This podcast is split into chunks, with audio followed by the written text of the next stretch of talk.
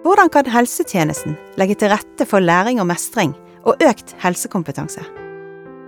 Mestring er en individuell prosess uten oppskrift. Men kan vi vise til noen stier som andre har gått opp? Velkommen til Spor av mestring, en podkast i regi av Nasjonal kompetansetjeneste for læring og mestring innen helse.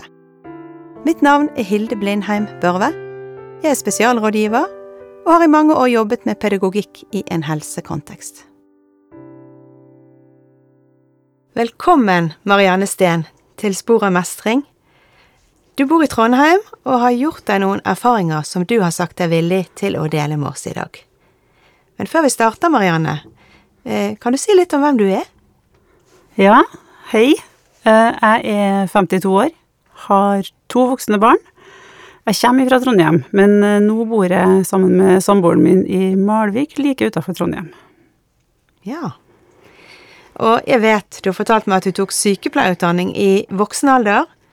Eh, en utdanning som du har fortalt at du hadde drømt om i flere år. Men du rakk ikke å jobbe så veldig lenge før du ble syk. Kan du si litt om hva som skjedde? Mm. Jeg hadde ønska meg den utdannelsen i mange år. Jeg har jo vært i jobb siden jeg var 18, men eh, når jeg ble 40, da passa det med livet. Så da begynte jeg på sykepleien, og var ferdigutdanna i 2012. Og så rakk jeg da å jobbe i drøyt to år, for på slutten av 2014 så fikk jeg en kreftdiagnose, og da ble det behandling med cellegift og stråling og operasjoner. Og som følge av det så det, fikk jeg mange senskader, og deriblant da fatigue, eller utmattelse, som da har påvirka hverdagen min i veldig stor grad etter det. Mm. Mm. Ja. Og kjennetegnet ved vedvarende utmattelse, det er jo at hvile og søvn ikke hjelper på samme måte. Eh, hvile lader på en måte ikke batteriene, og søvn virker ikke forfriskende, har jeg hørt og ikke erfart. Men kan du beskrive for oss litt nærmere hvordan du opplevde utmattelse, og hvordan dette påvirket deg og livet ditt? Ja. Jeg synes, egentlig syns jeg utmattelse er litt sånn dårlig beskrivende ord. Ja. Fordi at eh, det er vanskelig å forstå alvorlighetsgraden av å høre utmattelse. For det er jo et ord som alle bruker etter en travel arbeidsuke eller hektisk liv med små barn, eller altså utmatta kan man jo bruke likevel. Mm. Og det er sant som du sier, at den står ikke i forhold til utført aktivitet. Uh, den energiløsheten. Og så er det Som for min egen del så tenkte jeg at fullt batteri er sånn 25-30% Men da når jeg har stått opp og dusja og laga meg frokost, så har jeg måttet hvile meg etterpå, for det har vært så utmattende, bare den lille aktiviteten der en telefonsamtale tar på. Uh, være sammen med folk er veldig utmattende. At det er Og det å sove og hvile, som du sier, det hjelper jo ikke på energien. Det lader ingenting. Sånn som du gjør med oss, som ikke har fatigue. Ja. Sånn at, eh, og så skiller ikke utmattelsen på om den aktiviteten jeg gjør, er hyggelig eller ikke. Det blir jo jeg blir jo like utmatta uansett. Og jeg føler meg jo litt heldig, da, for at den eh, utmattelsen Den arter seg jo litt forskjellig til folk. Noen har mer fysiske plager, mens andre så er det mer på mentalt. Og for min egen del, så Det sitter helst i hodet, da. Jeg sliter jo veldig med dårlig konsentrasjon, dårlig hukommelse. Jeg er blitt veldig sensitiv på lyd leter mye etter ord. Av litt sånn tåkehjerne. mm. og, og, det som jeg sier, når jeg blir, når jeg blir veldig utmatta, så føles kroppen litt sånn geléaktig ut. Jeg har ikke helt uh, kontroll på den. Og det har jo vært en veldig fortvila situasjon, syns jeg. For at jeg bestemmer jo ikke over egen kropp eller egen hverdag. Så jeg har følt veldig mye på tap eh, tap av identitet, egentlig, da. Eh, for det at mm, Når plutselig alt i hverdagen min blir enten vanskelig eller faktisk umulig å, å gjennomføre, så har jeg følt at fallet fra den normalen jeg hadde, ble så stort. For hvem er jeg når jeg ikke kan bidra i arbeidslivet? Eh, Når jeg ikke greier å være sosial? Når den både fysiske og psykiske formen blir dårligere? Når jeg ikke greier vanlige oppgaver i hjemmet mitt? Sånn at jeg har følt veldig på at jeg har Jeg har vært ubrukelig, egentlig, da. Det er jo de tankene som har kommet. Jeg har vært mye trist og, og lei meg. For det å gå fra ja, full jobb, barn, aktivitet, hektisk liv, da. En aktiv dame. En, ja, var det. Hun, Ja. hun som meldte seg til å være, med hvis noen skulle flytte, eller bake en kake, eller hjelpe til på ting. Ja. Så det ble en bråstopp. Så jeg syns at det ble uh, veldig tøft. Og når en får uh, altfor god tid med hodet sitt, så er jo ikke det noe bra. Nei. Det blir mye negative tanker. Så jeg syns at det, den livskvaliteten ble veldig dårlig. Var veldig lite glede i, i hverdagen. Har vært i mange år, syns jeg. Så, og det er veldig vanskelig å akseptere den nye normalen min. Og sånn at jeg følte egentlig at jeg gikk ifra å være deltaker egentlig i livet, til å bare være en tilskuer. Og da ble det ganske mørkt. Satt du stadig og ventet på at det skulle gå over? Var det den fornemmelsen at dette må nå snart gi seg? Ja da. Eh, hver eh, måned har jeg tenkt at neste måned, vet du, da blir det bedre. Da kan jeg begynne på jobb igjen. Ja. Da kan jeg begynne å virke i hverdagen min. Men fatigue, denne utmattelsen, gjorde det vanskelig å fungere i jobb. Mm. Kan du si litt om den tiden, hva som skjedde da du kom tilbake i jobb? Ja, da jobba jeg på en ortopedisk sengepost eh, på St. Olav, så, og det er jo en travel arbeidsplass. Ja. Og jeg prøvde meg flere ganger tilbake. Med variabel lengde på dagene, egentlig. da. Prøvde meg, Starta ut friskt med at jeg skulle være hel dag ja, på jobb. Eh, To dager i uka hadde jeg òg planlagt. Eh, Og tårene rant hver dag jeg for fra jobb, og jeg lå når jeg kom hjem og klarte ikke noe neste dagene, og var heller ikke, fikk ikke være med på noe aktivt utenom at jeg var på jobb. Men så var det så viktig for meg da, å, å få prøvd meg, for jeg hadde jo så lyst til å føle at jeg var til nytte. At Det var jo dette du hadde drømt om. Ja, Ja. jeg vil bidra. Og så fikk jeg prøvd eh, to dager med tre timer per dag, hvor det var til veldig tilrettelagt. Jeg kom på klokkeslett som jeg hadde fått bestemme sjøl. Og jeg fikk til og med prøve meg på en ny avdeling. Akkurat det skulle jeg jo ha skjønt på forhånd at det ikke fungerte veldig godt med de utfordringene jeg har med konsentrasjon og hukommelse, så ble det for mye nytt. Enda mer å sette seg inn i. ja. Altfor mye å sette seg inn i. Så jeg syns jo at arbeidsplassen min var veldig real, som lot meg få prøve så mange ganger. Ja, det er flott. Men det fins jo ikke noe stilling som heter å gå oppå. Nei, på toppen. Nei. Går man ikke i helsevesenet. Nei, jeg gjør ikke det, vet du. Nei. Sånn at, og da måtte jeg bare innse det, at jeg, jeg greier jo ikke å stå i jobb en hel arbeidsdag, jeg. Eh, Det ble jo nok en nedtur, da. Nok et tap, for ja. da måtte jeg jo bare akseptere at herre får du ikke. Så møtte du en kreftkoordinator, som jeg har forstått ble et vendepunkt for deg. Eh, kan du si litt om hvordan dette møtet kom i stand, og hva du oppdaget da? Ja, etter altfor lang tid da, på sofaen, så greide jeg på slutten av 2018 da, å ta litt tak. Da har det jo vært fire år med prøving og feiling. Mest feiling, da, må jeg jo si. Eh, og da bestilte jeg meg en time til kreftkoordinator i Trondheim. Og etter en samtaletime der, hvor jeg tror tårene rant stort sett hele tida, eh, så fikk jeg tips ifra hun da om, eh, at det, om mestringskurs. Og at Friskliv og mestring i Trondheim hadde et kurs som skulle starte opp i begynnelsen av 19, som het Mestring av utmattelse. Og dette var i regi av Trondheim kommune? Ja, Ja. stemmer. Så da tenkte jeg at da må jeg vel minne meg på der, da. Ja. Ja, Prøve det òg? jeg må prøve det òg. Ja. Ja. Hvordan opplevde du det, da? Og hva lærte du på det kurset? Det var jo kjempeskummelt å møte opp på et sånt kurs. Fordi at det var jo for det første en erkjennelse på at jeg trengte hjelp. Ja. Ja. Eh, og at jeg ikke mestrer hverdagen min sjøl og må ha hjelp til det her. Eh, men den gruppa som jeg kom til da, var ei blanda gruppe. Det var forskjellige årsaker til den utmattelsen.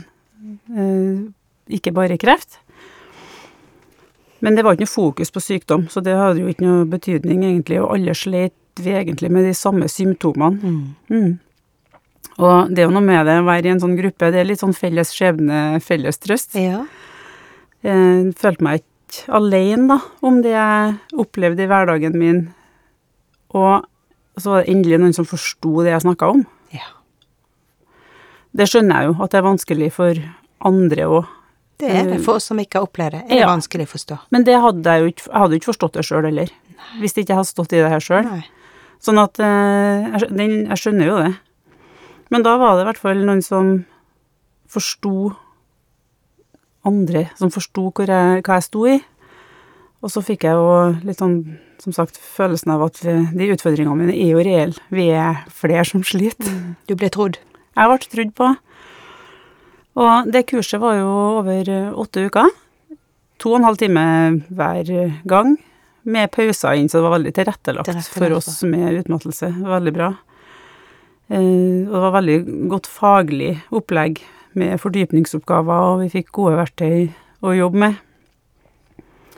Og hver kursdag, da, så var det forskjellige tema, som aksept, eller aktivitetsbalanse, eller mestringsstrategier. Sånn at det var det som var utgangspunktet for det vi jobba med hver, dag, hver eh, kursdag. Og så var det oppgaver imellom kursdagene, som du sier. Ja, det var det. Mm. Og det må jeg si at det var jo en øyeåpner. Å sitte hjemme og skal ta tak i livet sitt sjøl og skrive det ned. Ja. Eh, For da måtte jeg se meg sjøl litt utenfra. Eh, Og det er jo veldig lett å høre når andre trår feil. Men eh, det ble lett å kjenne seg igjen sjøl òg, for når vi kom tilbake med de oppgavene, så gikk vi jo gjennom dem i grupper. Og da både høre seg sjøl fortelle, og høre hva andre sier, så er det som sagt lettere å høre at ok, her må vi ta noe tak. Så du hørte ditt eget liv på en måte på en litt mer objektiv måte? Ja. Du fikk litt avstand til det? Ja, da følte jeg kanskje ikke at jeg hadde tatt bare lurevalg. Nei. Nei. Eh, vi hadde jo på ene dagen um, Så skulle vi skrive en logg. Oppgaven til neste kursdag var å skrive en logg, hvor jeg skulle skrive opp alt jeg gjorde i løpet av en dag, for å se litt på hvordan vi la opp dagen vår. Og da hadde jeg jo skrevet, da, klokka åtte, dusj, ni, frokost, hvile, handle på butikken, hvile, lage middag, hvile. Og når jeg kom tilbake på kurset, så gikk vi jo gjennom den loggen, og så sier de, men når du sier hvile, hva gjør du da? Ja. Søv du? Men så sier jeg nei, da vasker jeg klær, eller støvsuger, eller løser kryssord, eller rydder litt i huset. Det var hvile. Da flira de av meg. Men, og da forsto jeg jo det at det, det her er jo ikke hvile. Jeg har jo egentlig mata utmattelsen. Eh, sånn at, og det var jo ikke kryssordet som var feil svar, for å si det sånn. Eh, sånn at, eh, for jeg har jo tenkt det at jeg er jo bare hjemme. Jeg, Jeg jo jeg noe. klarer jo ikke å være ute i arbeid engang, så noe må jeg jo gjøre for å føle at jeg er til noe nytte. Mm. Men den loggen lærte jeg mye av, da, så jeg måtte se på den disponeringa av hverdagen min på nytt. Og i dag, Marianne, så bidrar du som brukermedvirker på et tilsvarende kurs for mennesker med lignende utfordringer som deg. Kan du si litt om hva som driver deg i det arbeidet, og hva du legger vekt på fra dine erfaringer? Ja, ca. ett og et halvt år etter at jeg sjøl hadde vært på kurs, så fikk jeg spørsmål om jeg ville være eh, brukerrepresentant. Og da, da følte jeg at jeg var på en bedre plass sjøl, så jeg tok sjansen på å si ja. Og det var jo en utfordrende rolle å ta, eh, fordi at det er så få faste roller, nei, rammer for den eh, brukerrepresentantrollen, egentlig. Eh, hvordan den skal løse den, hvordan den skal legges opp når det gjelder innlegg og øvrig rolle på kurs og sånn, så det, jo, det var en spennende utfordring å ta. Det kan jeg tenke meg. Ja. Men hva som driver, det er jo Ja, For det første så vet jeg jo at mestringskurs hjelper. Det hjalp deg? Det hjalp meg. Det virker. Ja. Ja. Og, og det har jo gitt meg bedre livskvalitet. Sånn at hvis min rolle på kurset kan hjelpe noen andre mot en bedre hverdag, så må jeg jo si at det er virkelig verdt å stille opp i den rollen. Eh, Nå har jeg deltatt på tre kurs, eh, både på grupper som har hatt kreft, og de med utmattelse uavhengig av eh, diagnose. Så det er to ulike til tilbud som finnes i kommunen? Ja, men jeg opplever jo at uh, symptomene og, og hvordan den enkelte har det, er likeens uavhengig av hva som er bakgrunnen for utmattelsen. Ja. Uh, og da har jeg ett innlegg hver kursdag på en sånn 10-15 minutter. Altså alle åtte kursdagene har du et innlegg på? Alle dagene. Ja. Ja. Og da har jeg knytta opp eh, det til dagens tema. Sånn som jeg nevnte i stad, det med at de har tema som omhandler aktivitetsbalanse eller mestringsstrategier. Så da legger jeg opp eh, innlegget mitt etter det, og da forteller jeg om min hverdag på godt og vondt. Eh, hvor jeg har feila, og hva jeg har lært. Og jeg pynter ikke på noe, for det her er jo ikke en sånn, det er jo ikke om å gjøre å bli god. De trenger ikke høre glanshistoriene. Nei, og eh, de er jo ikke så mange heller, sånn, for det er jo mer de små tingene, som, de små endringene, Ja. som gjør hverdagen bedre. Og da så er det viktig at jeg påpeker at det her er min historie, fordi at det er min prosess. Men eh, det er jo gjenkjennbart, da, for veldig mange. Og det at jeg har kommet lenger, det gir jo håp.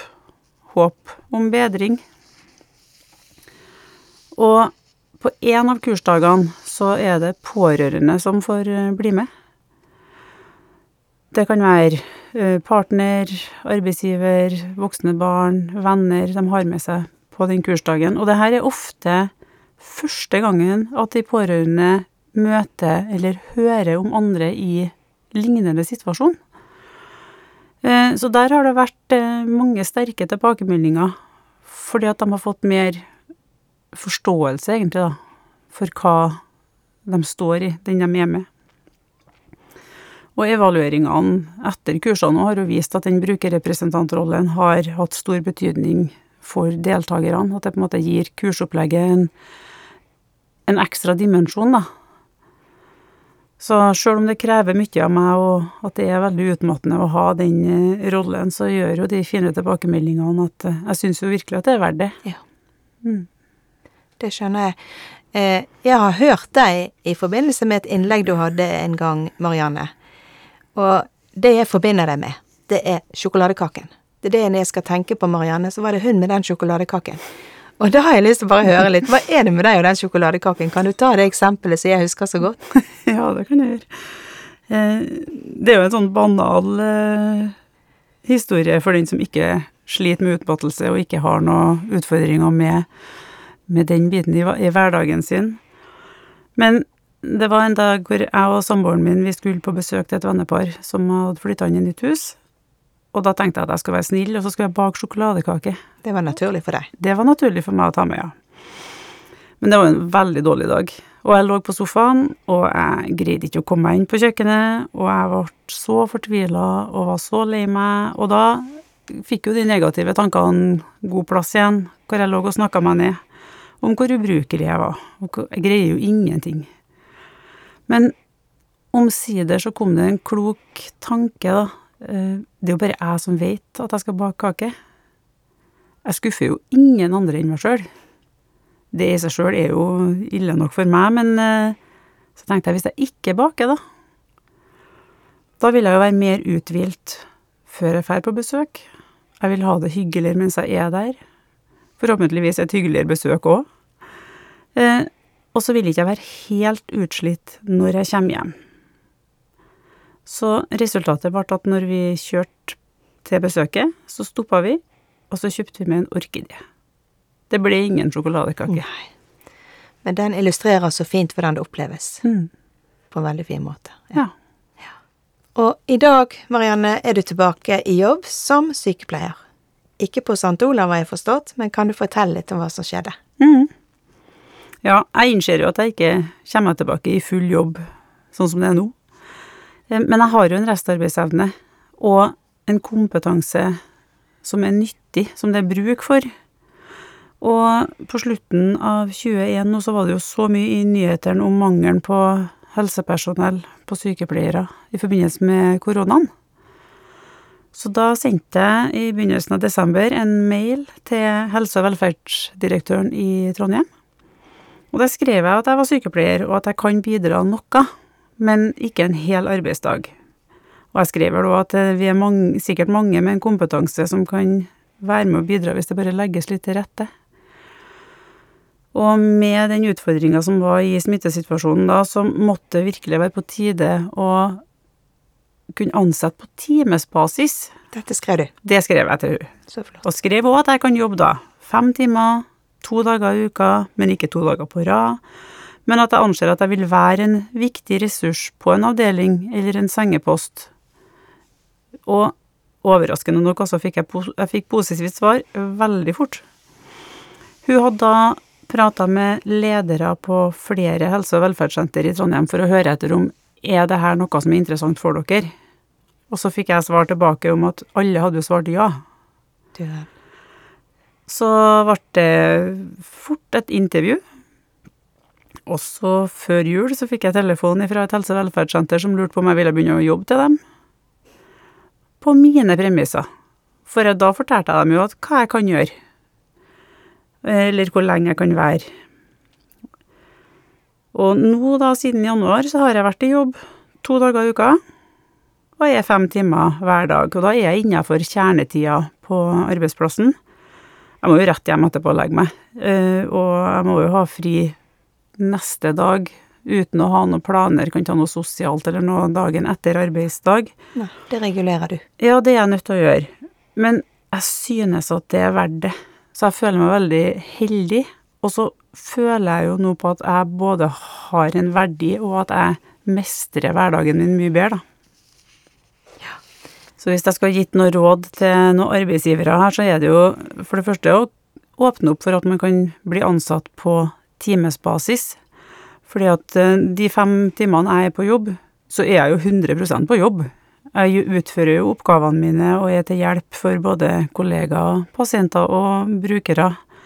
Og så tenker jeg jo at selv om jeg nå snakker om helsevesenet, så vil jeg tro at det er ganske mange andre arbeidsplasser som har ei kjernetid med større behov for eh, ekstra arbeidskraft, flere hender.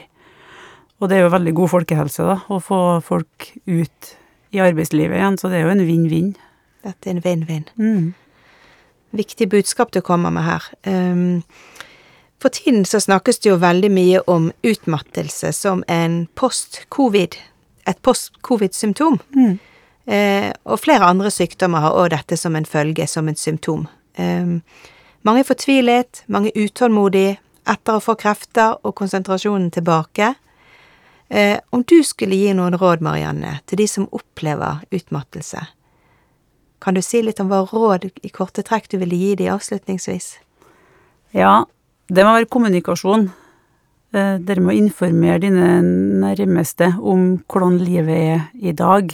Gi beskjed til familie, nære venner, arbeidsgiver om hva som er ståa nå. At en setter litt grenser, for vi er veldig flinke til å stille høye krav til oss sjøl. Men skille litt mer mellom hva som er må-ting og bør-ting. Eh, og sånn at en får prioritert, være litt bevisst på hva det er som stjeler energi, og hva som gir energi. Ta imot hjelp. Der har jeg vært veldig dårlig sjøl, så det vet jeg jo at det egentlig er et godt råd. Eh, og et kjedelig svar er jo at ting tar tid. Hvis det tar litt tid, da, så sjekk opp med kommunen om de har mestringskurs. Men så tenker jeg òg, hvis en kan se litt positivt på at mange flere blir syke, da, eller får utmattelse, så vil jo det igjen gi et økt fokus. Og da tenker jeg at den på den helseutfordringa, sånn at det kanskje igjen vil føre til et bedre behandlingstilbud, da, når vi blir flere. Så dette må snakkes om, med andre ord. Det må virkelig snakkes om. Mm. Ja. Vi har nå, Marianne, sittet her i en intens prat en stund, og jeg sitter jo da og tenker, hvordan har denne dagen vært for deg? Dette har vært intenst. Ja, det er jo det. Det blir litt sånn ullent hode. Eh, Men jeg vet jo at det blir sånn. Sånn at jeg har jo ikke noen planer for morgendagen. Jeg har avtale med sofaen min i morgen, eh, for at jeg har jo lært meg å, å regulere dagene mine mye bedre. Men så syns jeg jo at mestring som tema er så viktig å belyse, da. Så derfor så syns jeg jo at det her er det jo verdt å bli utmatta av. Da, Marianne, må jeg bare avslutte med å si tusen takk for at du kom, og at du delte av dine dyrekjøpte erfaringer. Vel hjem, Marianne. Tusen takk for at jeg fikk komme. På gjenhør til nye samtaler om spor av mestring.